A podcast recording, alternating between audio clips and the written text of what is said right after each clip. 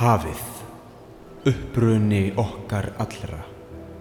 Um 70% yfirborðs okkar plánetu er þakin þessari bláu slæðu sem geymir mikinn fjársjóð og mikla lindardóma. Mesta dýpi hafsins er meira en hæstu punktar jarðar og stærstur hluti hafsins er enn ókannadur. Hafið er eitt mikilvægasti þátturinn í þróun lífs á jörðu og enn þann dag í dag spilar hafið stóran þátt í viðhaldi á þeim lífsgæðum sem við búum við. Mikilvægir hafströymar sem til dæmis gera Ísland byggilegt með tempruðu loftslægi. Þúsundir fisktegunda sem fæða miljónir manns og lífsnauðsynleg súrefnisframleiðsla hafsins. Allt dæmi um hvað hafið gerir fyrir okkur. En hvað gerum við fyrir hafið? Erum við að fara vel með það? Hver er framtíð hafsins og hvernig hefur hún áhrif á okkur?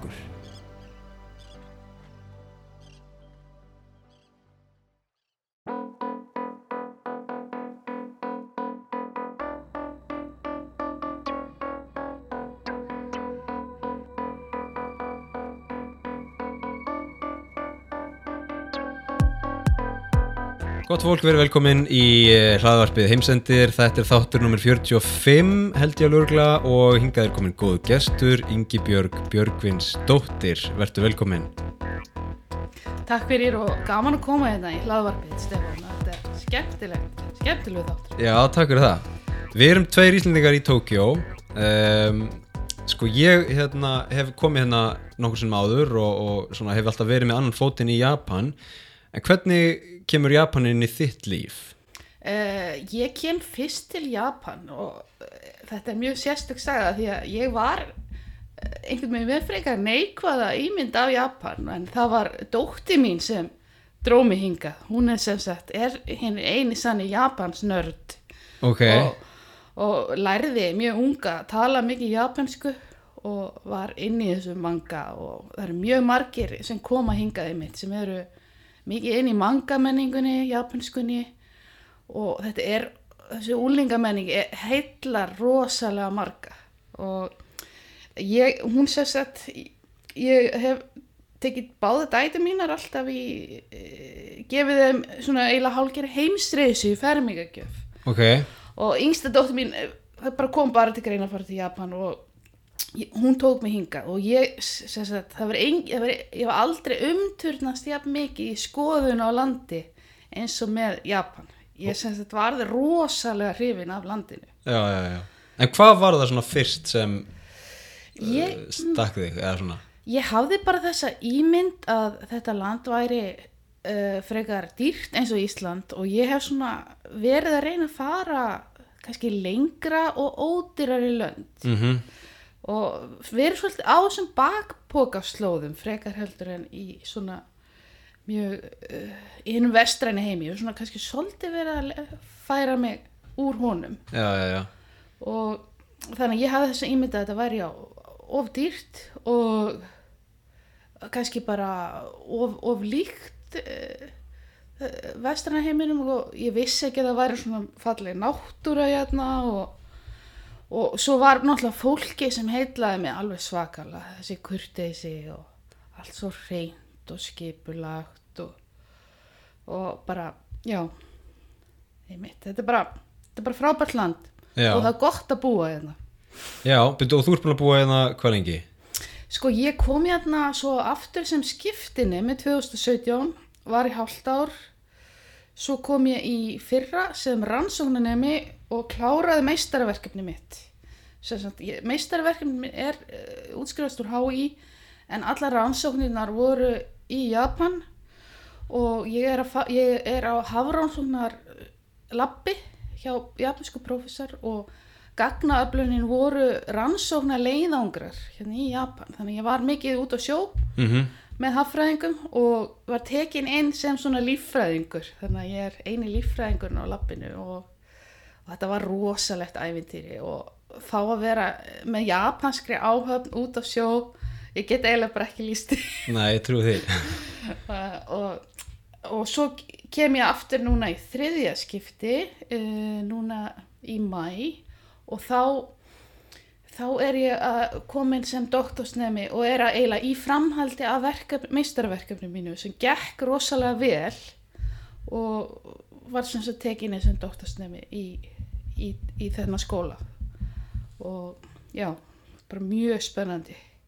Ok, þannig að þú tókst meistara þú kláraði meistaragráðan hérna já, og svo er það doktors. Já, doktorsnám þar bara og framhald af því sem ég var að gera sem var mjög nýstarlegt sko, við vorum að prófa nýja aðferð, ég og prófessorinn minn. Ok, og ég, þor- ég þóra alveg að viðurkenna í, það var tímabili fyrra sem ég held bara að ég væri bara í, komin í tómt tjón og það væri alltaf fara til helvítis.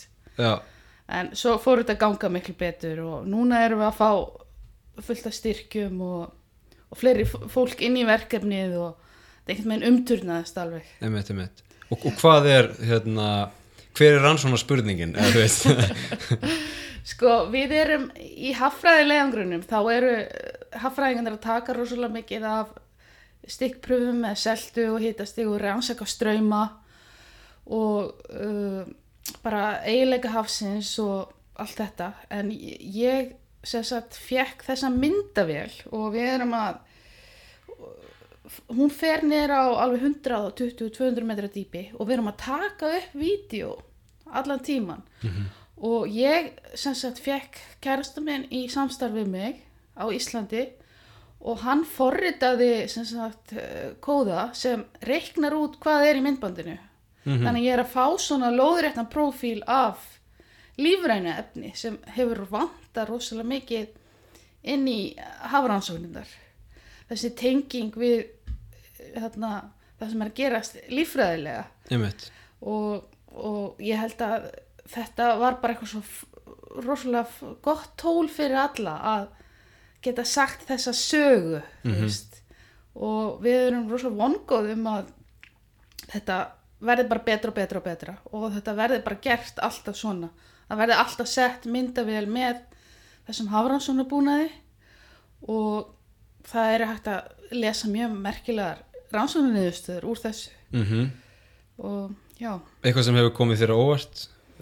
E, það kom mér á óvart eins og með uh, hvaða var hægt að gera mikið með hugbúnaðin og þessar nýju þessi image recognition tækni eða myndgreiningatækni mhm, kom mér á óvart hvað, hvað þetta er óbáslega öflugt tól og það kom mér líka óvart hvað myndavélarnar eru að þróast rosalega hratt með tækninni. Mhm. Og e, þetta er bara, maður sér þetta, þetta getur farið í allar áttir maður getur verið heppin og maður getur verið óheppin en alveg tvímalust e, verður þetta prósið svolítið áfram í þessu. Og byrju, ok, frá 0 metrum niður í hérna 120 hvað, hvað ert að sjá, eða þú veist? Sko, við erum aðalega bara að sjá í, í myndaramanum þessi, þessi dýrasvif mhm, og svo erum við að sjá þessa marine snow eða þessi, sem er þarna, svo mikilvæg hlutir af kól, kólefnis hringrásinni. já, já, já Þannig að allt í sambandi við gróðurhúsáhrifin og fleira, þetta líka getur komið mjög stert inn í þær rannsóknir kólefnis hringrásina. Mhm, af því ha hafið er eins og mjög margir kannski veit ekki er, er óbáslega stór þáttur í kólefnisringrásinni og er að sjúa kólefnið úr, úr andrúnsloftinu emitt og allt þetta sem er að gerast núna með súrnun sjáar og allt þetta þetta er allt tengt því að gróðurhúsa áhrifunum og hafið er, þarf að taka í sig meira kólefni og er að sírustíðið er að lækka og það er að við vitum í rauninni ekki hversu, hvaða áhrif þetta mun hafa svona áfram en þetta hefur slæm áhrif. Og, og það er gott að geta tekið þátt í einhvers konar verkefnum sem munu varpa kannski meira ljósi á, á þessa ferla Sko 120 metrar, hérna, er það bara uh, hámarkið eða þú veist hversu langt uh, þessi búnaður getur farið? Eða er það einhver uh, ákvörðun um að vera ekki að skoða dýpra eða skilur þau Sko þessir alls ekki, sko búnaður nokkar kemst niður á 200 metra en eh, ég myndi eh, húsið sem er utan á myndavælina þetta er svona háþrýsti það er þóla mikið þrýsting Mhm. og ég myndi alls það þarf að passa þetta svolítið þetta er, þó þeir segja þetta sé fyrir 200 metra þá, þá myndi ég kannski ekki þóra að fara með þetta alveg þar langt niður Mhm. En ráðsóknarsvæðið okkar á þessu tímapunkti var bara niður á 120 metra. Við getum farið já, já, já, lengra sko. Og, en e, þetta ræðist líka bara hvað þeir eru að rannsaka Japanarnir. Mm. Því að þetta er svona bara, við erum að fylgja bara þeir, þeirra rannsóknum sem þeir, þeirra rannsóknumarkmiðum sem var um borð. Einmitt. Og þetta eru líka fjölþjóðlegi rannsóknarhópar, þetta er ekki bara minn háskóli, þetta er líka japanska hafrannsóknarstofnunin mm og Tokyo University. Já. þannig að þetta eru svona teimi af vísindamönnum sem eru að hittast um borð. Og þetta er gífulega spennandi. Og, og svona þó maður sé svolítið líðið sem maður sé hálgerður álfur stundum. Já, ok, og er við er tungumálið um borð enska eða? Já, þeir tala ensk, þeir tala reyndar sko 90% af því sem þeir segja um borð er japanska. Já, já, svo þýða þeir svona aðeins fyrir okkur. Ykkur hin. það það, já, það var er svona alveg bara hm, það var aðeins stittra það sem ég fekk þarna, já, já, já, ekki, ekki fengið að vita allt. Einmitt, einmitt, einmitt. Já, en byrju hvar byrjar þessi áhugi á hafinu ef, ef svo má að orðið komast hjá þér Já, góð spurning. Ég, hérna, ég, ég held að nú að faði minn hafi átt svolítið þátt í þessu. Hann var, vann, vann í, hann var mjög mörg ára á sjó sem vélstjóri mm og ég fekk alltaf að fara, fjölskyldan fór með honum í eitt túr á ári bara frá því ég fættist. Þannig að þá fekk ég strax svolítið á sjónum. Og svo setna, svona um 22 ára, þá fekk ég mikið áhuga á sportköfun -hmm. og hef kafað mjög mikið síðustu hvað, 20, 25 ári já, þetta er alveg bara orðið svolítið ferill. Og um, út um allan heim og, og þessi sambland af köfun og sjávalífræði er bara mjög mjög, þetta heldur mér ég hef mikið áhuga á bæði og þetta fer svolítið vel saman líka. Mm ég trúi því. Og byrju, ertu, þú ert þá með eitthvað svona eh, eitthvað, mörg hundru klukkutíma á bakinu og eitthvað svona, eitthvað réttindi og eitthvað stemmingu Já, já, svo fór þetta líka svolítið vel saman með öllum þessum ferðalögum sem ég var í. Þannig að ég var að taka svona, kannski open water í Tælandi, ég var að taka þurrbúningin heima og svo var ég að taka dæfmasterinn tók ég í Suður Ameríku, ég var alveg þrjár vikur á Galapagos, ok, taka það. Og svo tók ég eitthvað í, á Möldu og, og svona en þetta er svona margir áfangastæðir og, og bara gífilegt ævintýri sko. Mm tvöfaldur meistari. Ah, nei, ég meina, þú er köfunameistari og hérna sjáarlífræði meistari eða eitthvað. Var ekki meistari gráðan? jú, jú, jú, það er ég og það er svo stutt síðan, ég er ekki alveg Já. aftan á þessu. Hva, hvað, ef, hérna, NNBS gráðan, hvaðan kom hún? hún, hún kom úr HÍ, ég útskrifast úr HÍ úr líffræði uh, 99 Mm og ég fekk einmitt áhuga á köfuninu þegar ég var í líffræðinni, við vorum í uh, námsferð líffræðinemar út í Malasíu þar vorum við að snorkla í kóralröfunum og þá einhvern veginn kvikna áhugin á að þú veist, ég verð bara, ég verð bara að fá að skoða þetta betur, þú veist, ég vil bara fá að vera svolítið að horfa á sjóin í kafi. Já, já, já. Og, en já, líffræðingar nefnilega í HÍ fara alltaf í námsferð til Asju Já, og þetta eru æðislega ferðir. Ég trúi því. Er hérna er mikið kafað í Japan? það er sko, skóli minn hann er svo þverfaglegur, hann er svona blanda af tækniskóla og uh, háskóla.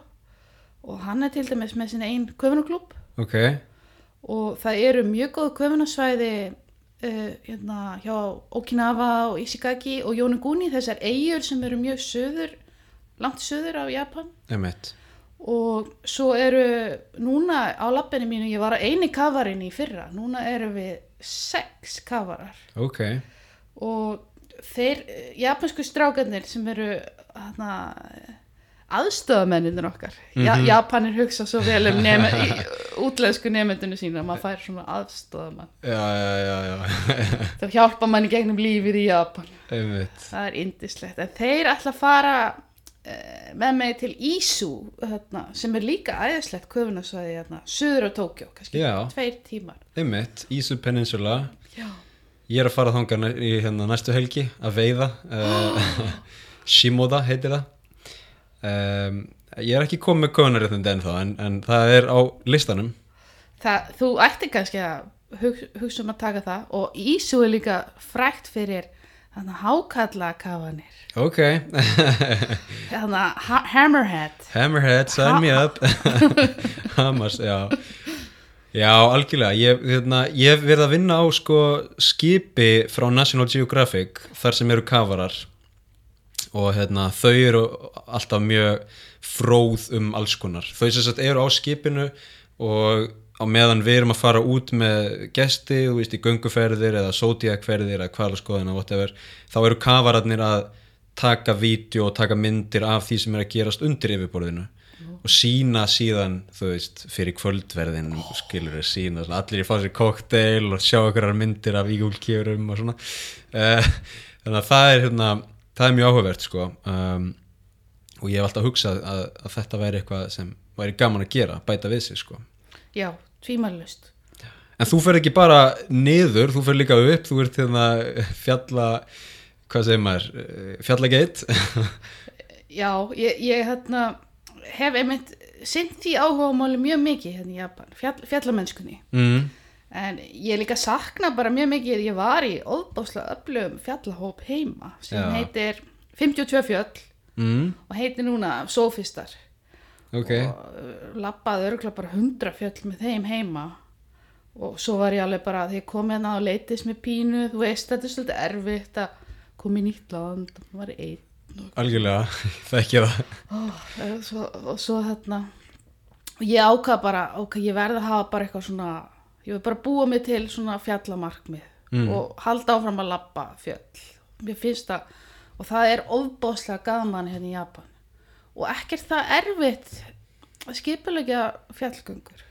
Út, út, við erum ekki svona mikil hættu hérna mm. út af þéttbílinni emitt. þannig að maður þóri kannski meira. Varst að byrja að fara þá einu eða, Já, ég byrjaði að fara ein og svo kynntist ég einum fjallavinni hérna, Japana. Mm þegar ég var einmitt mista rútunni einhver staðar og var hálf tínt bara. Já, já, já, já, já. og ég held að hann hafi bara séð að borgaði sér ekkert að hún var bara að hjálpa þessari konu og vissi ekkert hvað hann var að gera. Já, já, já, og hann hefur labbað mikið með mér og hann er mjög reyndur sko, fjall, uh, svona trailrunner. Já, uh, það er nú vinsalt heima núna. Já, þetta, þetta er æðislegt sport sko. ég, ég, legg, ég er samt ekki, ekki þar. Nei, mér langar að prófa það, ég hef ekki prófað það sko, en mér langar að hérna, uh, prófa það, ég sá, ég er endar þetta er það sem að gera, ég er svona núna á þeim stað sem þú hefur þá verið á sem er sko að vera nýkomin ég er endar að tala mjög góða japansku og þekki alveg eitthvað af fólki hérna. En þú veist, vinir mínir hérna þau eru bara í skóla eða vinnu og er ekkert eitthvað að bara koma bara, þú veist, daginn eftir ég lendi og bara skipulegja mánaðar hérna, ringferð með Japan, skilur þannig ég, ég þarf að sækja mér svona félagskap og þá fer ég á okkur Facebook síður og, og hópa og svona. Og ég fann einhvern hóp um daginn sem, sem hérna, heitir held ég Trail Running Japan. Og, ég, og svo bara ok, það er, ég komin inn hérna er félagskapurinn minn. Og svo kom viðburður eitthvað að hlaupa upp, mount eitthvað darararara og ég eitthvað ok, sign me up, ég er til í þetta. Svo kom alltaf vegalengdin 36 kilometrar þannig að ég eitthvað Nei, ég er ekki alveg tilbúin í það sko. ég þarf aðeins að hérna, undirbúa mig fyrst og svo get ég farið að hérna, skrá mig í svona viðburði sko. og þú ert örgulega þetta, þetta er þín eina og skemmtilegasta leiðin til að kynast Japan ég held að þú sért alveg á réttri leið þarna Já, ég held það nefnilega líka ég, Ég hef hérna, verið mikið hérna en lítið stunda svona útivist, þú veist, fjall, fjallamennsku og, og þannig sko.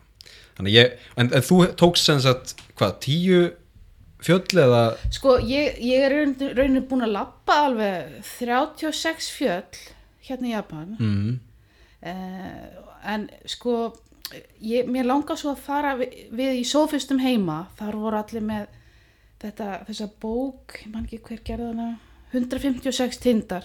Já, já, já, já, og við köllum þennan undirhóp hjá okkur krossara, fólk sem ætla að lappa þessi 156 fjöll. Og ég er með svona svipanlista sem er 100 hæstu fjöllin í Japan. Einmitt, en ég er bara búið með 12 þar. Já, já, já, já, já, og, og þannig að það er svona þetta þryggja ára plan í doktorsnáminu. Ok, Her, ég skal koma með þér í eitthvað. og Eh, það var yndislegt. Já, ég hérna þarf að fara að gera þetta sko. En ok, hérna hafið, hafið, bláa hafið sko uh, hva, hvað hérna hvað er að gerast þar svona í heiminum? Uh, það sem er aðteglisvert eins og með það sem prófessor minn sér af sig í, það er hann að Kuroshio strömmurinn sem er hérna söður eftir að Japan Mm -hmm. sem er ótrúlega sambarilegur golfströmmnum okkar heima Einmitt. og það sem er að breytast kannski í báðum strömmunum Mm er að það er að breytast krafturinn í þeim. Já, já, já. og það sem er að gera sérna í Kuroshio er að það er að gefa í kraftin Ok, en hjá okkur í golfströmmnum þar er krafturinn það búið að dragast úr golfströmmnum um 10% einmitt.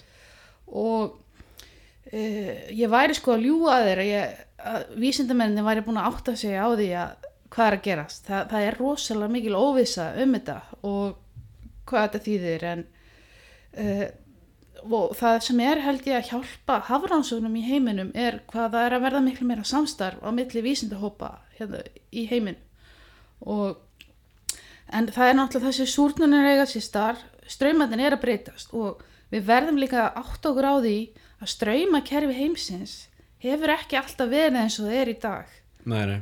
Og golfströymurinn hefur til dæmis ekki alltaf náð að Íslandi eins og ís, á Ísöldinni. Já, já, já, og þá var bara miklu kaldara og miklu kaldara. eiginlega ólíft bara, vel. og svo líka verður maður þetta er, horfa á þetta kerfi í heild sko, þetta er, þetta er bara svona færibanda ströymar út um allan hnöttin Mm og, og þannig að breytingar á einum stað hefur áhrif á annar staðar. -hmm. og, og þessi vísindahópu sem ég er í hann er með rannsóknir til dæmis ég er með sex eh, Suður Amerikabúar á lappinu mínu frá Peru, þeir eru ekki rannsóknir þar. Svo erum við eitt kynverja Ok. og hann er allir í norður Allandshafinu og búið til spálíkon þar í sambandi við golfströmmin Já, bara hvað, fyrir þegar það opnast á milli þannig að já. Það er ykkur áhuga því. þannig að þessi módel eru svona hvað gerist eftir 10 ár, hvað gerist eftir 50 ár og, Já, já, já. og þetta er bara sett inn í þessi líkun Já, og þetta er samt alltaf frekar sorglegt þegar maður fyrir að horfa líkunin af því að þau eru alltaf svona það er ekki gott það sem er að gerast núna. Svo ertu með svona bjart síningslíkan mhm, frekar slæmt, svo ertu með svona me meðalíkan mjög slæmt. Og svo ertu með þetta slæma líkan. Og það er bara eitthvað það er bara eitthvað hræðilegt að fara að gerast. Já, já, já. Þannig að já, þetta er svona ah, ég held að maður megi alveg mála skrattan á veikin í sambandi við þetta. Já, ég meina við erum nú búin að vera að gera það og það kannski um, það hefur orðið einhver vitundavakning sko, en, en, en það breytir ekkit pólisí eða stefnu mikið, verðist vera. Uh, ég meina, hefur eitthvað kynntir það hvað uh, Japan er að hvernig sko framtíðar sín Japan er sérstaklega hvað var það ríkistjórnina og eitthvað svona varandi það að, að hérna, vernda hafið í kringum Japan? Ég verð að segja að þetta sé kannski ekki eitthvað sem ég hef kynnt mér nú vel en ég veit bara að Japan er eins og Íslendingar. Þeir eru líka bara með útgerð út um allan heim. Þeir eru ekkit bara veiða hérna í Japan þeir eru bara út um allt sko. Mm og ég held að þeir þó ég viti það ekki þá hugsa ég að þeir sé mjög mikið að passa upp á lífriki hérna Mhm. að það sé ekki ofveiði og allt svo leiðis mm en ég, ég hef efasemdur um að það sé, þeir séu eitthvað mikið að spá í þessu annar staðar einmitt. Já, maður, maður heirt það sko einmitt að hérna, þú veiðir ákveðin stað og svo þegar hann er eitthvað aðeins farin að grána þá bara ferðu annað og, og hérna, kvílir og kemur svo kannski aftur þetta er svona já, þetta voru erfitt í þessu hérna, alþjóðlega alheims væðingar kapitalíska kerfi þar sem eh, þar sem þú getur ekkert þú getur aldrei ítt á nennar bremsur skilur, þú getur aldrei stoppa, það er bara áfram, áfram, áfram og, stækka, stækka, stækka og hagvöxtur og hagvöxtur og allt það. Og, og þá hérna á einhvern tjónpunkti bara hreinur kerfið skilur Já, það er svolítið þannig. En, en samt að því ég er nú búin að vera að kafa svo mikið út í þessum vanþróðulöndum mm -hmm. það eru, ef ég myndi sem vera bara alveg heiðaleg, þá eru stærri vandamál að gerast þar í sambandi við s- fiskveiðar, Mhm. mjög víða og, og það er bara og það er uh, annars konar vandamál eins og þegar við vorum að kafa í Sri Lanka, þar er bara verið að sprengja upp kóralöfin með dínamíti já, já, og þetta er eitthvað sem, þetta myndi aldrei gerast í Japan til dæmis. Uh, og svo kannski komir óvart eins og í Philipsheim þegar ég var að kafa. Þar getur við verið með Marine Park sem sagt vernda svæði mm og það er samt verið að stunda veiðar þar. Já, já, já, þannig að ég held að Íslendingar þó megi alveg vera mjög stoltir af sínum fiskveiðum þær hafa verið sjálfbærar og við náðum að passa þetta þó að við á áttunda áratugnum þá, þá, þá við hefðum geta orðið mjög óheppin þar og bara mist fullt af stofnum út af Mhm. ofviði já, já. en það er margt svona sem það er svona átt að sjá að það er ekki í lagi mjög víða og það eru önnur vandamál eins og þarna, í Filipsir þar eru til dæmis, þú fyrir að kafa þar þá bara vantar stóru fiskana. Já. og þar er kannski vandamál að e, möskveðnir í netunum er alltaf lítið, það er verið að veiða alltaf litla fiska. Mm og það er svona marg, marg, mörg það var hægt að breyta mörgu þar mjög einfallega en það er samt ekki gert. Og til dæmis í Sri Lanka þar sem við vorum þar sem við líka verið að kafa þar fórum við að fór ég að skoða hafrannsóknastofnuna þar þar er vandamálið að þeir eigi ekki skip til að veiða þeir eru með 200 míla mílna sjó hafsögu -hmm. og þeir eigi ekki skip til að veiða svona nema á ströndinni bara litlu bátana Einmitt. og þar vantar þeim tækniþenginguna sem Japanir og Íslendingar eiga Já, já, já, já, já. þannig að þetta er, þetta er allt svona ég veit ekki hvað ég segja þetta er, þetta er flókið Hvað, byrju, hver er pælingi með dýnamít og kóralir? sko þe þeir hérna þarna er vandamálið eiginlega bara fáfræði. Mm og þar, þetta sá ég líka í Filipsum það var heila eiga að hópa eðalega öll kóralir minn. Og þar hafði bara það var bara fljótlegt að veiða með því að sprengja dýnamít. Og þeir átta sig ekki á því að kóraldin er þarna fyrir neðan. Þú eðilegur hann, þá eðilegur staðin það sem að ungviðið Já, er að já. vaksa upp og þá kemur engin meiri fiskur og þessi tenging er bara ekki til staðar Mm og uh, þessi eiga sem, vorum, sem var alveg búið að sprengja alveg í tætlur þar hefðu líka verið stunduð kvalveiðar -hmm. en þeir hefðu einhvern veginn tapað í pólitíkinni með kvalveiðar og það var bannað að veiða kval þar en til dæmis var það leift áfram í Japan og Íslandi Mm og svo líka þetta er þessi pólitík sem maður skilur ekki alveg þú Já, veist. já. Það til dæmis, ég fannst svolítið ég er náttúrulega ekki mikill kvalveiði sinni Mhm. en mér fannst samt eins og svona fátak þjóð hún hefði alveg mátt veiða eitthvað smá kval, víst að við máttu það Já, já, já, einmitt. en ég veit það ekki Já, ég hafði kannski erfið að skilja það með Ísland og þó, en þú veist þessu Japan, þetta er bara þriða stærsta hagkerfi í heimi þau eru ótrúlega öflug sko á hérna, alheims vísu þannig að þú veist, að einhverju leiti gera þau bara það sem þau vilja, skilur en svo virðist vera, ég meina þú veist. Það er rosa ríkt líka í þeim að nýta það sem þeir geta. Mm og þeir, þeir veiða alveg í kóralrifunum sínum hérna. Já, og það þykir allt í lægi já, já. Uh, og mér finnst það svolítið leðilegt þegar ég er að kafa og ég sé einhvern bara drepa ál og veiðan um kvöldi sem ég var að skoða kannski daginn áður já, já, er það bara eitthvað svona premium price pæling þú veist að þú veiðir þá um, og selur í skiluru háklassa sashimi eða eitthvað já, já, eða bara til að eigi matinn, Já. svona smá spearfishing Einmitt. Já, já, já. Ég, hérna, hef verið í uh, Hokkaido, uh, nú man ég ekki hvað heitir, ekki staðar í Hokkaido, þar sem er, eru kafarar veiða ígulger og ég meina það er alltaf bara eitthvað svakalegasta, svakalegasta máltíð sem ég hef séð, sko. Þú veist, þú færi svona ígulger á, á hrísgróna beði, uh, ein, ein skál á kannski tíu skall. Ú, þú veist, og þetta er náttúrulega rosalega gott. Ég meina, íulgerin eru alveg svakalega góð ótrúlega fersk og allt það sko. Um, ég meina en, en þau eru að gera það skilur hvað segir maður, í höndunum þau eru bara að handtína þau.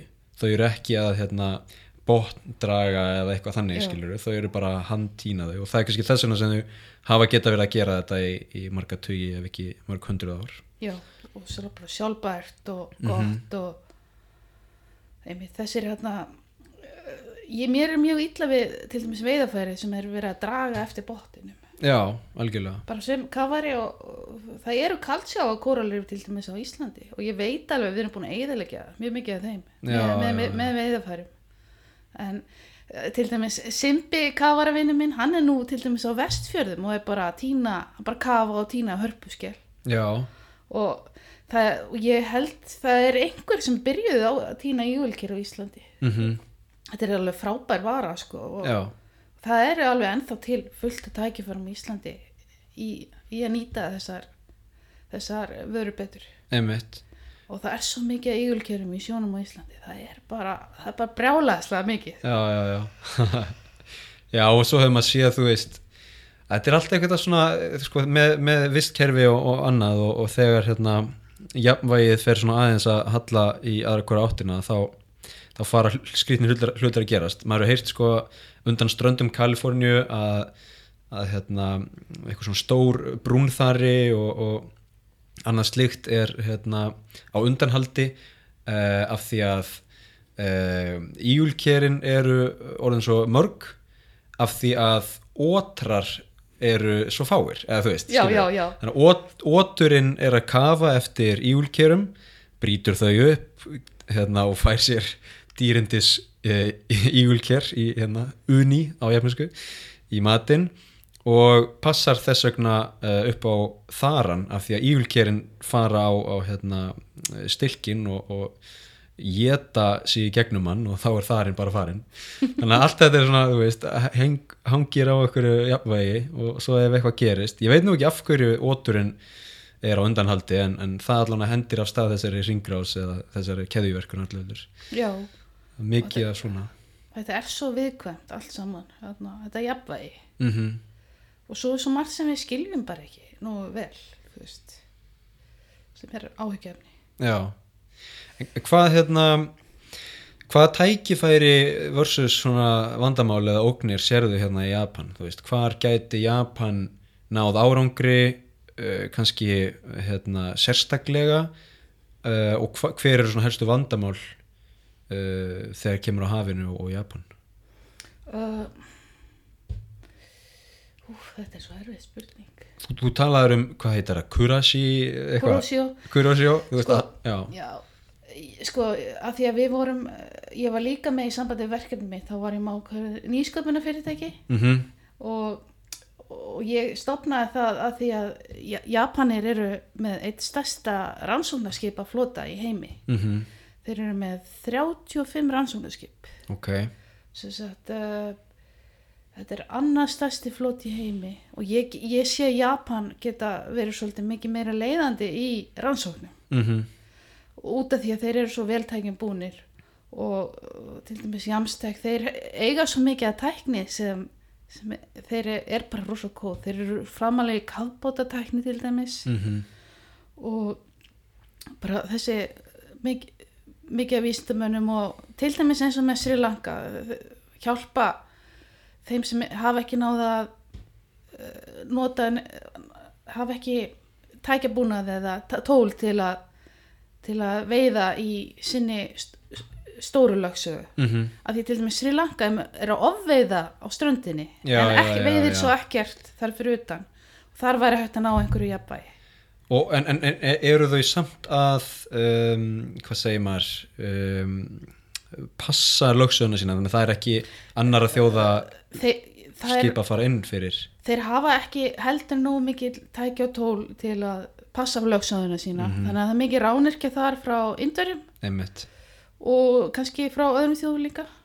Mm þetta, þetta fekk ég alltaf að vita í Sri Lanka. Ég var ekkert mikið inn í þessu. Nei, nei, nei.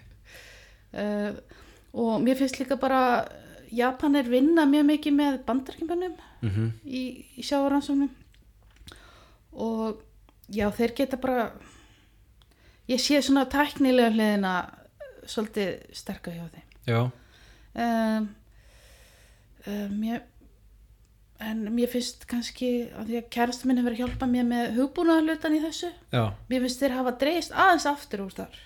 Ok gæti Og- þetta þá verið einhver, einhver, einhver viðskipti mill Íslands og Japan ég var einmitt að hugsa það mér finnst, sko mér finnst hugbúnaðargerin á Íslandi vera mjög öflugur og mér finnst forritararnir frá Íslandi vera bara á rosalegum heimsklassa Mhm. og ég, mér finnst þetta alveg svolítið tekka saman sko. já, og, en til dæmis bara Japanir eiga til dæmis bara allir borarnir í í hérna háhitavirkjunum okkar, þetta er allt eitthvað Mitsubishi eitthvað. Já, já, já, já, já. og það er þessi svo erum við búin að vera með sjárúti skólan heima á Íslandi og þeir kannski með þú veist tækja búin á tækni. Þegar ég, byrja, þegar ég var hérna fyrst þá var ég í judoklubnum og þarna þessi skóli sem ég er í hann er, hefur útskrifað svo mikið af framkvæmdastjórum, þetta er eitthvað bara hæsti skóli hlutfall framkvæmdastjóra stórfyrirtækja er að útskrifast úr svo litla skóla. En það voru þrýr kallar sem tengdust Íslandi einhvern veginn úr þessum pínu litla já, það var að selja veiðafæri Mhm. kaupa, einn hafi farið til höfn í hotnafyrði 1984 að vestla loðunu já, já, já, já, já. og, og þetta var svona veiðfæritækni og svo eru að, að þeir að kaupa fisk og þú veist og þetta er já, þetta er aðteglisvert Ég meina fólk átta sig ofta ekki á þessu að, að Ísland og Japan það er alls konar sameinleir fleitir og, og mikil bæði viðskipti og, og svona þekkingarskipti samskipti í raun bara uh, milli landana, miklu meira en fólk heldur. Já, alveg tvímælust og, og sjáarútugurinn er svo sterkur í báðum löndunum. Mm og, og það er bara fullt tækifæri með áfram í, í meiri samvinnu. Og ég bara vona svo einilega að verði meiri samvinna, fleiri stúdendur að komingað þessi líka, þessi munur á Japanum og Íslendingum þú veist, hún er oft svolítið, þetta geti verið svona árastrar en þetta eru líka tækifæri sko, Já, já, að við séum ekki svona, við séum svona ólík og, og ef þetta gengur vel og ef maður er í góðu teimi þá er teimið bara þú veist, það getur bara eitthvað ofur teimi með Íslendinga og Japan sko. Já, já, já, Eh, en, en þetta byggir samt svo mikið á þessum skilningi sko. ég skil að þú ert ekki eins og ég já, já, já. og Þetta er svona, þetta er svona eins og dæmið þannig að uh, ég og bróður minn vitum allt í heiminum hver, hver er höfuborgin Albaníu? Að bróður minn veit það sko. Já, að- ég man líka það var svo gaman að því að þarna, einn, bara til að lýsa Japan þetta er svona skemmtilega að fyndin saga. Mm. en þetta lýsir svona þeim rosa vel og okkum rosa vel. En þetta var þetta kanadíski vinur minn sem lendi þessu. Já. hann hétt hérna Sean og hann hérna er að segja við japanskan vinn sinn sem er á Sæðum rannsóknustofu já ég fekk hérna íbúð hérna nær skólanum. Og þá þá er ég, þá er hérna spara ég tíma. Mm og hann og Japan strax segir yes, so you can work more. Og, og alveg bara no, no, I don't want to work more. Og, og hann bara horfði á hann yes, so you can work more. No, so I can work less. Já, já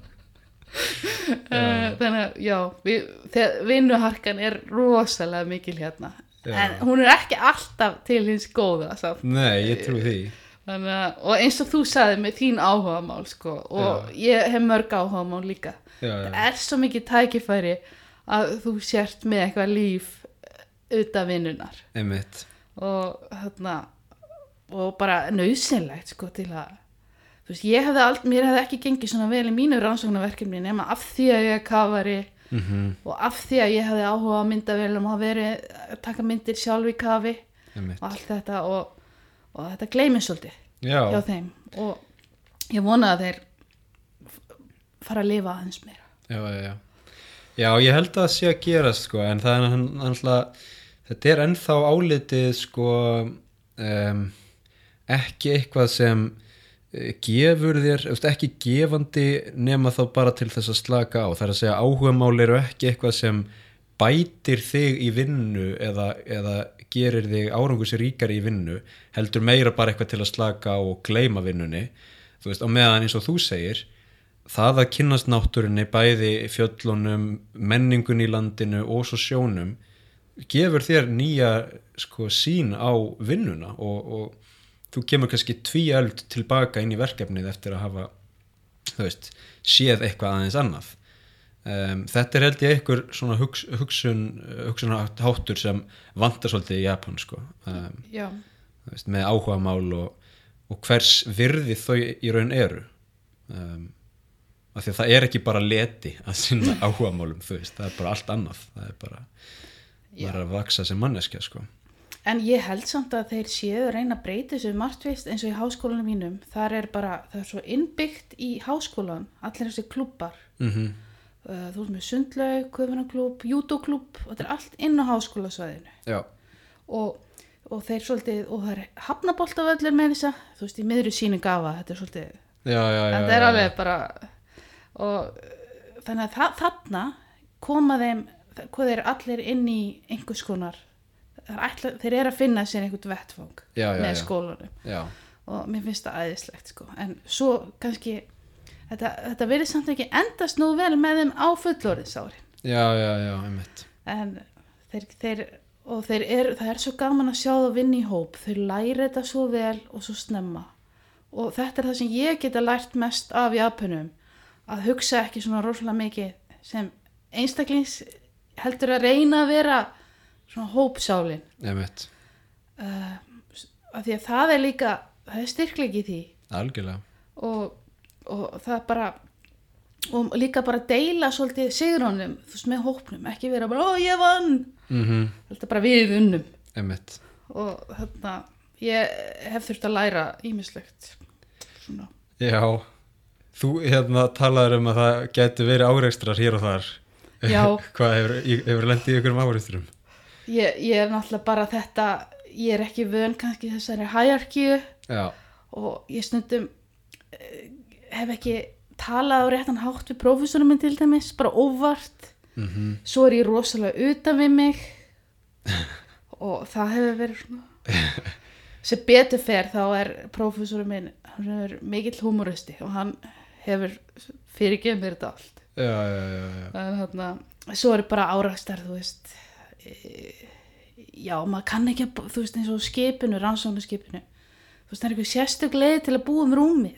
Já, já, já, veist, það eru bara þessi litli lutir sem maður bara, og þú veist, svo maður bara tekin á teppið. Já, þú veist, þú bjóst ekki rétt um rúmið þitt. Og maður, bara, hvað er ég, já, einmitt. Og þarna en líka, já, þessi formlegheit ég, þarna mér finnst erfitt að venjast í stundum. Já, og það eru árakstrar, mér finnst árakstrarnir aðalega vera þar Þa, það er áhugavert með Japan að það er oft eins og sko e, starfið þitt eða skólinn þinn þar sem námið þitt endi ekki einhvern veginn í lok vinnudags heldur það er alltaf veist, það fylgir þér alltaf. Ég mann þegar ég var í mentaskóla hérna þá átti ég í raun að vera í skólafötunum um helgar líka veist. Og ef ég hefði lent í einhverju vesenni utan skólatíma þá hefði það verið á ábyrgð skólans. Veist, hefði, skólinn hefði komist í fréttinnar og, og komist í vandræði af því að ég er einhvern veginn að hérna, representa skólan minn þó ég sé bara veist, á lögadaskvöldi bara hérna, í bíó eða eitthvað. Já, og, og þú veist, það er svona örgulega sama með uh, ég menna eins og kannski þig á lappinu eða, eða bara fólk í fyrirtækjum að, að hérna, þegar vinnudagurinn klárast og þú lappar út af skrifstofinni þá ertu samt ennþá einhvern veginn meðlumur í þeim hópi og, og skalt ekki gera eitthvað af þér af því að þá einhvern veginn þá kemur yfirmönnum og, og svona stopnunin í vandræði. Já, þetta er, þetta er, þetta er þannig. Mm og maður hérna verður að passa sig svona. Og og ég held að þeir setja þetta bara þannig upp þannig að ég held líka þetta sé ástæða fyrir að þeir, þeir passa ekstra vel upp á mann í skólunum, maður er með ástæðamann -hmm. að því að þeir hérna þeir gera grein fyrir þeir að þeir bera líka ábyrð að þú sért ekki koma þér í vandamál út af einhverju, einhverju sem þú vissir ekki eða varst ekki alveg nú meðvitaður um eða þannig að þetta er svona, þeir eru að fylgjast með þér Mm en þeir eru að passa upp á Einmitt.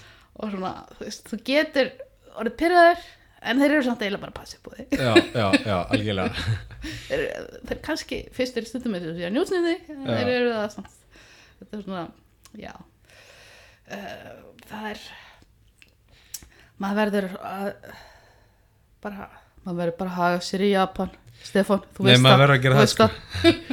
þegar ég kom hérna 18 ára 2011 þá ætlaði ég sko ekki að eða þú veist, jú, ég ætlaði að haga mér en ég ætlaði ekki að missa svona mína rödd skilur, ég ætlaði að, ég ætlaði að vera svona sannur sjálfur mér eins og maður hafi einhverja mjög vel mótaða rödd 18 ára skilur ég ætlaði vissi ekki neitt skilur en, en hérna eftir árið þá var ég samt miklu betri í því að hugsa hugsa um mig sem hluti af hóp og, og bara svona aðeins að setja sjálfum mitt í hliðar og, og vera svona aðeins meiri teamplayer svo fyrir maður til Ísland skilur og missir þetta aftur. Og svo er ég aftur að læra þetta núna sko. Uh, en, en býð þó af þeirri reynslu að vita hvernig þetta virkar svona einhverju liti um, en, en ég, ég er alveg sammála. Þetta er svona eitthvað sem Íslandingar sérstaklega þurfa svolítið að hérna, hugsa um þegar þau koma til Japan. Alveg sko. Og ég man til dæmis ein rosa mistök sem ég gerði einhvern mann, bara fyrir stuttu þá hafði ég sendt eitthvað abstrakt á ráðstefnu mm og ég hefði gleymt að bera það undir professorum minn. Já, já, og það voru bara allir japanendin á lappinu voru alveg bara hvað gerði Ingibjörg? Þetta komið kofur og þú veist, og ég bara þú veist, ég alveg bara hvað ég, ég, ég held að ég lægi svo mikið á þessu ég bara hefði sendið þetta inn. Og alveg bara, svona gerir maður aldrei Ingibjörg. Nei, og þannig að ég er ennþá, þú veist ennþá að lendi í einhverju svona. Já, já. En á Íslandi þá held ég að þetta hefði ekki verið vandamál. Nei, nei, þau hérna Þetta er bara annað kerfi og þú veist en þau, það, það eru kostur og galla við allt sko, ég meina þau þau eru rosalega öflug í mjög mörgu sko. Það er þess að Japanir með, með þetta, kerfi, þetta kerfi sitt og, og allt það sko. Já, mér finnst bara ef að mann er því besta úr Japan og úr Íslandi einhvern veginn, dregur það best út þá er þetta bara óbrjótanlegt lið. Mm Ég trúi því. Hérna, ég ætla að spyrja um tvent sko varandi Japan og höfin. Um, fyrst sko uh, að, því að, að því ég teki eftir hérna Japan að þau elska plast þú veist, þau Já, bara þau elska plast. Ó, hérna. Og ég hef lesið að eh, 70% af rusli, úrgangi úr, úr Japansk bara úr Japan, frá Japan sé plast. Uh, og þau tala um að þau hérna, endurvinni mjög stóran hluta af því en ég meina, veist hversu stór hluti getur það raunverulega verið og svo uh, sko hefur maður líka heyrt að, að mikill plastúrgangur hefur verið seldur erlendis, þú veist, kannski til Kína, Indonesia og, og svona, en það er að breytast, fólk er ekki að kaupa þennan úrgang lengur eh, eða þetta hráefni. Eh, Hefur þú orðið eitthvað vörð þetta í, í hérna, sambandi við rannsóknir á hafinu? Uh, nei, en sem kafari hérna í Japan og búin að vera svolítið mikið á ströndinni þá finnst mér samt vera minna rusl hérna heldur en bara á Íslandi Já, þannig að ég, en ég hef ekki kynnt með þetta ég verð að viðkynna það Nei. en mér ofbýður eins og þér umbúðið þetta hérna já, það er svolítið mikið sko. uh, en ég held samt sko þeir eru náttúrulega með rosalega stránt flokkunarkerfi og hinn típiski Japani flokkar allt alveg í ræmur og þeir, þetta er svo innbyggt í þá og Ég vissi reyndar ekki eins og þú segir að þeir væri að selja ruslið til Kína. Það kemur mér svolítið óvart. Já, ég held að það sé búið sko frá því fyrir tveimur eða þreimur árum en um, en ég veit ekki hvað þau gera við þetta þú veist. En þeir eru náttúrulega flokka sko combustible, það er sem sagt brennanlegt rusl. Mm og ég held að þeir væri að gera eins og svíjarnir, þeir væri bara að nota þetta sem e, brenna þetta til orkuöflunar. Jú, þau eru að gera það og stór hluta plastinu fyrir það sko. Já, þannig að það er svona, já, og ég, mér reyndar hef, að ég tók, ég er með gráði umhverfis og auðvitastjórnu sko, uh, ég, þessi kerfi það sem þeir eru að brenna ruslið og eru að taka eituröfnin úr, þau eru ótrúlega öflug sko, þannig að mér finnst líklegt að þetta sem fer í bruna, það kannski þetta er náttúrulega rosa skaði en samt kannski ágætis lust. já það getur vel verið sko, ég þekki það bara ekki nógu vel. Um, en eins og þú segir þú veist, ég held að Japan sé svona land sem passar voða vel upp á sinn bakgarð þú veist, og, og vil hafa allt mjög hreint og fínt hérna.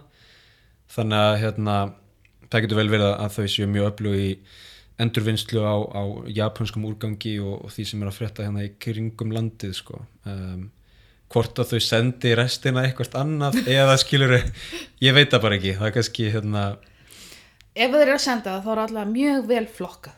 já, já, já. Já, maður tekið eftir því, menna það er, það er hérna, þessi skipt eftir dögum og veist, fyrsti dagur hvers mánaðar, það er batteri dagurinn og eitthvað svona, skilur uh, ég bý í blokk og, og það hérna, er rosa þægilegt kerfið þar, ég get bara farið með uh, ruslið, þú veist, í sko næsta herbergi, bara herbergi við hliðan á íbúðinu minni þar sem er bara alls konar tunnur og söpnunar baukar og kassar og ég veit ekki hvað og hvað, ég get bara flokkaða þar og svo er það bara pikkað upp skiluru ég þarf aldrei að fara í endurvinnslu eða neitt sko. Já, en þeir eru líka bara, þeir eru með ákveðin það sem mér finnst festust við einhverju en það sem mér finnst gott hjá þeim til dæmis eins og þegar nú ég tvis og þurft að flytja út Mhm. úr minni íbúð og þeir rukka mann fyrir að vera með eitthvað stórt rusl sem þú þarfst að henda. Já, já, já, og mér finnst þetta svo gott að hugsa þetta þú veist, í samt að mér finnst neysla stundum vera eiginlega á stærsta vandamál í heimi, hvað Mhm. við erum að kaupa mikinn óþarfa. Já, og þetta er svo mikið svona bara svo, mér finnst þetta alveg bara þú veist að borga fyrir þetta þú veist, ég er búin að kaupa alltaf mikið drasl og þú veist að losna við það. Já, já, já. og mér fannst það bara svona sniðut sko já það er það sko. Og, og líka bara maður venst því að búa í, þú veist, lítill íbúð og, og eiga ekkert alltaf mikið af hlutum og maður bara venst því og ég er ekki búin að vera þarna nefn í mánuð. Mér finnst þetta bara mjög fínt, ég býr sko í 25 fermetrum, þú veist, þetta er bara þetta er bara indislegt sko. Ég er alveg sammála, ég, ég held að ég búi minna, minna rík já, og bara það er líka bara, finnst bara eiga mikið dót það er ekkert alltaf gerir lífið þetta ekkert betra skil. nei, nei, nei. Og við megum alveg bara svona hugsa bara Ísland við búum í stórum húsum. Við, við eigum allt. Getum við kannski átt aðeins minna og deilt hlutunum meira? Já, getum við kannski búið í aðeins minna minni húsum og, og kaupi vandaðari hluti í staðinn? Já, og já og bara gera hlutina meira svona. Einmitt. Þetta er eins og segir, maður getur lært af öðrum menningarheimum og, og hérna við getum lært þetta af Japunum og þau getur lært ímislegt af okkur. Já, Eh, hitt sem ég langaði að spyrja þau um er, er þetta sem ég get aldrei munað Kuro, Kurasi ströymurinn Kuroshio. Kurosio svona, það er svona þessi háhita ströymur eins og golfströymur flytja hita hérna til okkar. Og er það frá Suður Kínahafi eða? frá söður bara frá, já, frá þarna Indonési og, það, já, já, já, já, já. og þar er að koma alveg bara svona heitt. Og hann er að færast hann er að, að, hann er að verða upplugri öflugri og er að færast líka svolítið. Ok, og um leið og ströymar fara að færast þá, þá hvað gerist þá? þá færist sko frumframleyslega með. Já. eins og nú er ég að rannsaka dýrasvif já, og það byrjar allt þar sko, Mhm. plöntu dýrasvif og svo komur fiskarnir. Og þannig að þetta er, þetta er náttúrulega veist, þetta er svo ef þú skilur hvar, hvað að gerast í grunnvisskerfinu Mhm. þá, ski- þá ertu farin að hafa einhverju hugmyndu hvað er að fara að gerast með fiskin þannig að rannsóknirnar okkar hafa líka mikið þýðing fyrir þennan ágóða yðina fiskveiði. Já, já, og en já en fæðan er fylgið þessum, þessum hérna, heituströymum þar er, er mjög næringaríkur sjór og þar sem hann er að færast upp og blandast þetta er það sem þau eru að rannsaka professorinn og haffræðingarnir hjá mér. Mhm. þar, þar geta mynda skilirði það sem að myndast mikil framleysla og mikið af fisk. Og en hann er að vera kröfturi og það er að færast kannski þessi svæði og, og hvað er að fara að gerast og þetta er allt svona meina, er hann að færast uh, að því að hann verðist að vera að koma frá einhvern veginn uh, suð-vestri frá Japan séð og, og kemur þá til norðausturs að einhver leiti eða norður. Er hann að færast að færast mörkin lengra til norðurs. Já, já, já, já, já. og, og svo hefur þetta líka áhrif á hinn kaldaströymi sem er hérna norður á Japan. Og, og, og sjó já. Það lí- hann, hann kannski gefur eitthvað eftir líka og, Þann, þannig að veiðisvæðin getur verið að færast uh, og bara tegundinnar getur verið að breytast. einmitt. Eins og við hefum séð á Íslandi að veist, allt í hennu komið makríl inn í íslenska uh, fiskveðulögsögu og auðvitað hlýtur maður að spyrja sjálflega sig þú veist, hva, hvað er í gangi sjónum? Akkur er þessi tegund komin hinga og, og þetta held ég að til dæmis hafaránsóknastofnun heima og allir eru að átta þessi meira á veist, við þurfum að skilja kerfið. Já, já, já. Við getum ekki verið að telja bara fiska nei, það segir bara hálfa söguna. Einmitt. Og, og bara allir vísindamenn líka við, við erum öll að læra. Já, og við erum líka að læra við verðum bara að vinna meira saman. Já, já, já. Annars skiljum við ekki neitt. Að deila, deila þekkingu deila og- þekkingu. Og kannski það sem Japanir geta líka lært eins og þú spyrjaði mig kannski geta þeir komið sterkar inn í að deila sínum þekkingu. Ég veit til dæmis að það er oft vanta gögn inn í alþjóðlega rannsóknir frá Japan og ég hef ekki veit ekki alveg af hverju það er. Nei, þau eru eitthvað aðeins að kannski geti þeir gefið í þar. Já, já, já, einmitt. Og að því að uh, við erum sem, ég er samt í Japan í þessu en ég held að það eru öflugustu rannsókninu eru ennþá í Norður Allandsafinu já, já, já, já, já. þannig að það hef, já, bara Sko, ég, ég verð að skjóta því inn hérna að því að ég var að borða makril gær sko. um, þegar, hei- þegar Íslandingar heyra að makril sé að koma inn í íslenska fiskvið loksu um, ég veit ekki hvað þau hugsa skilur, hvað Íslandingar hugsa. Uh, makril, það er ekki góð matur eða eitthvað skilur. Fólk er alltaf átt að segja því sko, að makril er sko rosalega virsall hérna í Japan já, og í Danmörku og í Danmörku og veist, já, Noregi og Rúslandi og fleiri stöðum, þetta er náttúrulega bara virkilega góður matur um, sé hann rétt meðhandlaður mjög feitur fiskur og svona. Ég fekk grillaðan makril í gær og það var virkilega gott.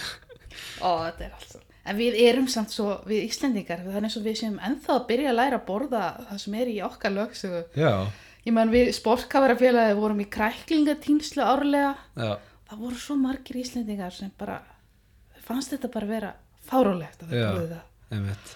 Og, og það er fullt að við vorum líka öðu skellja tínslu. já, Það er bara, það er Íslendingarnir, við vorum að selja þetta í fjáröflun og það var Íslendingarnir voru alveg bara, ó, ég veit ekki alveg, ég ætla kannski að prófa eina og svo alveg bara, já, þetta er svolítið skrítið. já, já. Svo komu kannski Asíu búanir sem voru búandi í Íslandi, Já. þarna innflytjandinir og, og þeir komu hlaupandi að okkur, sko. ekkert mál sko.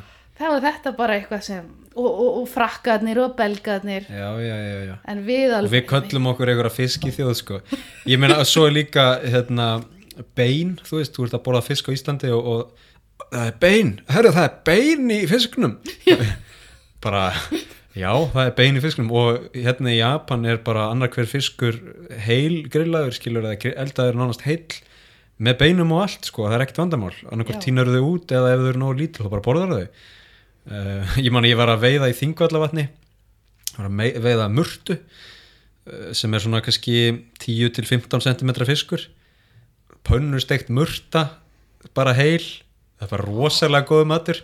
Og þar var einmitt, þú veist hérna, um, ég held að það veri fólk frá Vietnam sem var bara búið að búa í Íslandi mjög lengi skiljur, voru bara að veiða bara murtu eftir murtu eftir murtu, það var bara algjör veistla skiljur, eitthvað sem hérna margir Íslendingar myndu kannski ekki einu sinni prófa sko. Nei, nei, mjög sorglegt en Já. þetta er samt að breytast. Já, já, já, ég vil taka það fram, ég held að Íslendingar við erum, við erum öll að koma til. Já, já, já, já, alltaf að vera ævindýra sæknari.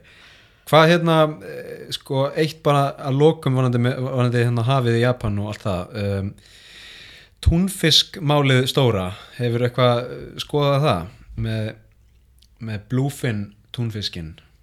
Um, það sem ég ávið er að það er einhver vinsælasta sjávarafurð í Japan, um, uh, sérstaklega í sushi og sashimi nema hvaða túnfiskurinn er náttúrulega veittur mjög grimt Já, já. Bæði við strendur Japan og svo bara víðar. Þeir eru bara komna með línur til Ísland sko. já, já, já, þetta er út um allt. Tveggja kílómetra línur er, já, já. Og maður bara maður sér ekki sko að því að þetta er svo rosalega um, frægur markaður þú veist, Japan og túnfiskur sérstaklega bluefin túnfiskur. Og margir Japanir elska þetta ráefni uh, þetta er vinsælt fyrir ferðafólk að koma og smakka túnfisk. Þú veist, ég vil að fara á hérna, markaðin, sko, skiji markaðurinn er bara enda búin að færa sig og heitir eitthvað annað núna en að sjá túnfisk uppbóðið og túnfisk sem er seldur á margar miljónir og eitthvað svona. Maður, maður sér ekki hvernig þetta endar á neinum öðrum staði nema bara í einhverju útrýmingu sko. Þau eru að veiða helviti grimt já þetta eru líka bara það, en þeir, þeir, það er bara ég man fræg heimildamind þarna frægasta sushi gerðamann hann að Shiro Já? Giro, Giro, Giro, já.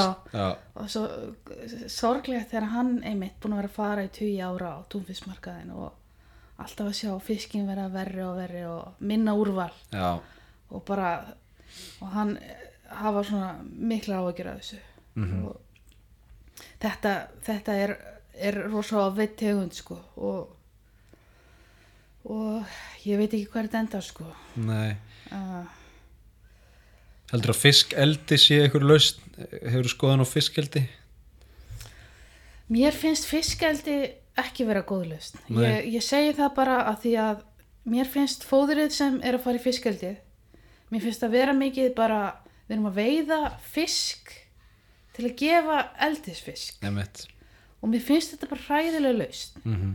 og mér finnst bara erðabreytur fiskur, mér finnst þetta mikil hætta fyrir lífrikið Mhm. og, og heldina og mér finnst bara, núna var að tala um til mér sem fæður ekki heima. Já, þú veist, við gleymum því ofta að við erum að rækta tegundi þar sem við erum að flytja inn allt fóðrið fyrir. Emmett og þú veist ég maður bara spyr sjálf á sig þú veist, kannski stundum þarna þurfum við bara að fara að einbytta einhverju öðru já.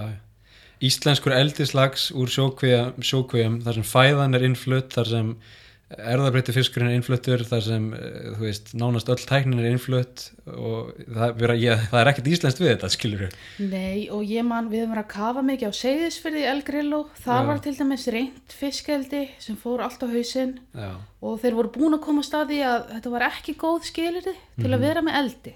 Og þeir voru samt að tala með það núna fyrir stuttu að byrja að vera með eldi þar aftur. Og sko ég er ekki þetta er kannski mjög pólitíst og eitthvað svoleiðis en ég, ég bara dregi efa þeir sem eru að taka sér ákvarðanir hvort þeir viti nóg mikið og skilji hvað, hvað þarna heildina. Mm og mér finnst eh, veiðar á Íslandi þetta hefur verið svona tiltölulega skynsalegt -hmm. að mörguleiti og við höfum verið að fara eftir ráðgjöfum sérfræðinga sem er frábært. Og það er bara, það er bara alls ekki margir sem gera það. Mhm. og Evropasambandið hefur ekki staðið sér vel í sinni fiskveiðstjórnum til dæmis og en fiskaldi held ég að sé ekki ekki e- þetta þessi draumur sem við erum að Nei, og eins og þú segir sko að veiða smærri fiska og, og hérna bræða í mjöl eða eitthvað skilur og búa til fóður frekar en að borða bara smærri fiskana þú veist, ég veit ekki hvað fiskar er að fara í fi- í fiskeldis fóður en ég get ímyndið mér að sé sm- smáfiskar á borði loðinu eða eitthvað svona uppsjáartegundir sem er bara herramans matur og þú veist, eitthvað sem við Íslandingar getum gert miklu betur í að borða frekar en já og ég held að á næstu 20 árum þá förum við að breyta rosalega. Hvað við erum að íhuga að borða af. Já. hverju? Og við munum fæða, fara okkur neðar í fæðikjöðina Einmitt. alveg pottið og það gæti bara bjargað okkur. Það myndi bjarga svo mörgu. Þetta er líka líðhelsumál þetta er betri matur, hann er hotlari um, og já, ég, ég það, þarf, það, það vantar svo mikið inn í þessu umræði og við þurfum að taka hana frá mjög mörgum vinklum til að komast að réttri nöðstu Ég held að veri gaman að fá einn góðan japanskan veitingastað á Ísland uh, sem er með svona hérna, það sem heitir teishoku sem er svona já þú færð bara platta það er rísgrjón, það er misosúpa, það er kannski fiskur, makríll eða eitthvað annað uh, smá svona piklað uh, græmiti uh, smá salat kannski. Bara mjög vel balanseruð japansk máltíð gott ráefni, góð matseld. Það verið gaman að fá eitthvað svona á Ísland sko. Já, og það bara við erum með svo gott ráefni á Íslandi. Þú veist, það, ef að sko japansku veitingastæður á Íslandi það verður góðu veitingastæð algjörlega. Eins og, já, já. Hvað er, ertu aðlæta á, á japanska mat? Ertu komin í natto? Ó, ég, nei, ég var að vita að hugsa bara natt og það er eini matur sem Já. ég get ekki borða ég, ég gæti ekki borðað það því ég var hérna 2011-12 en ég get borðað það núna, einhverjum ástæðum. Það er eitthvað breyst, ég bara elska natto núna sko. og kannski þarf ég að gefa, gefa sér annan séns. Já. Maður lifir og lærir. Herði, ein spurning að lokum, hvað er svona mm, hvað er svona markmið ársins 2022? Sko, ég langar bara að klára þarna að lappa eitthvað af þessum fjöllum Mm -hmm. þetta er það skemmtilega sem ég geri það er fjall, onsen, japansku matur góðu fjöldskapur þetta er bara, maður kemur heim aftur til Tókíó og það bara maður er alveg endur nærður yes. og svo hittir maður svo skemmtilegt fólk á fjöllum og það er svo margir japanir að reyna að klára hundra fjöllin já, já, og það er bara, já, hvað ert þú búin að lappa? Einmitt, búin að einmitt. lappa þetta og, já, og svo bara langar mér að komast áfram í rannsóknunum mínum. Og ég vona að uh, það er svona uh, uh, ég vona að kærasta minn fá að koma til Japan bráðum Mhm. uh, bara sem inn í hópin sko. Mhm. okkur langar svo að fá forreitara inn í öll þessi verkefni. Og meira þverfæðlegt og meira fjölþjóðlegt. Þetta er rosa teimi og svo langar mér komast aðeins áfram með þetta litla sprótafyrirtæki sem ég og kærasti minn erum að vinna í. Og bara ná, fá líka betri gögn úr myndavilni minni. Veist, þetta er alveg bara þetta er rosa ævintýri að vera í einhverju svona alveg nýju og er engin gert þetta og, og spennandi. Já. Já, en það verða bara fjöll og kafa og vinna. Veistla og veisla. Herri, ég kem með, ekkert tímann Þú ert mjög velkomin, Stefán. Þú, Takk þú fyrir ert það. góð, góð, góð viðbót í þennan hóp. Takk fyrir það Herði, takk fyrir geggja spjall Ingibjörg og hérna ég segi bara arigato Arigato gozaimasu.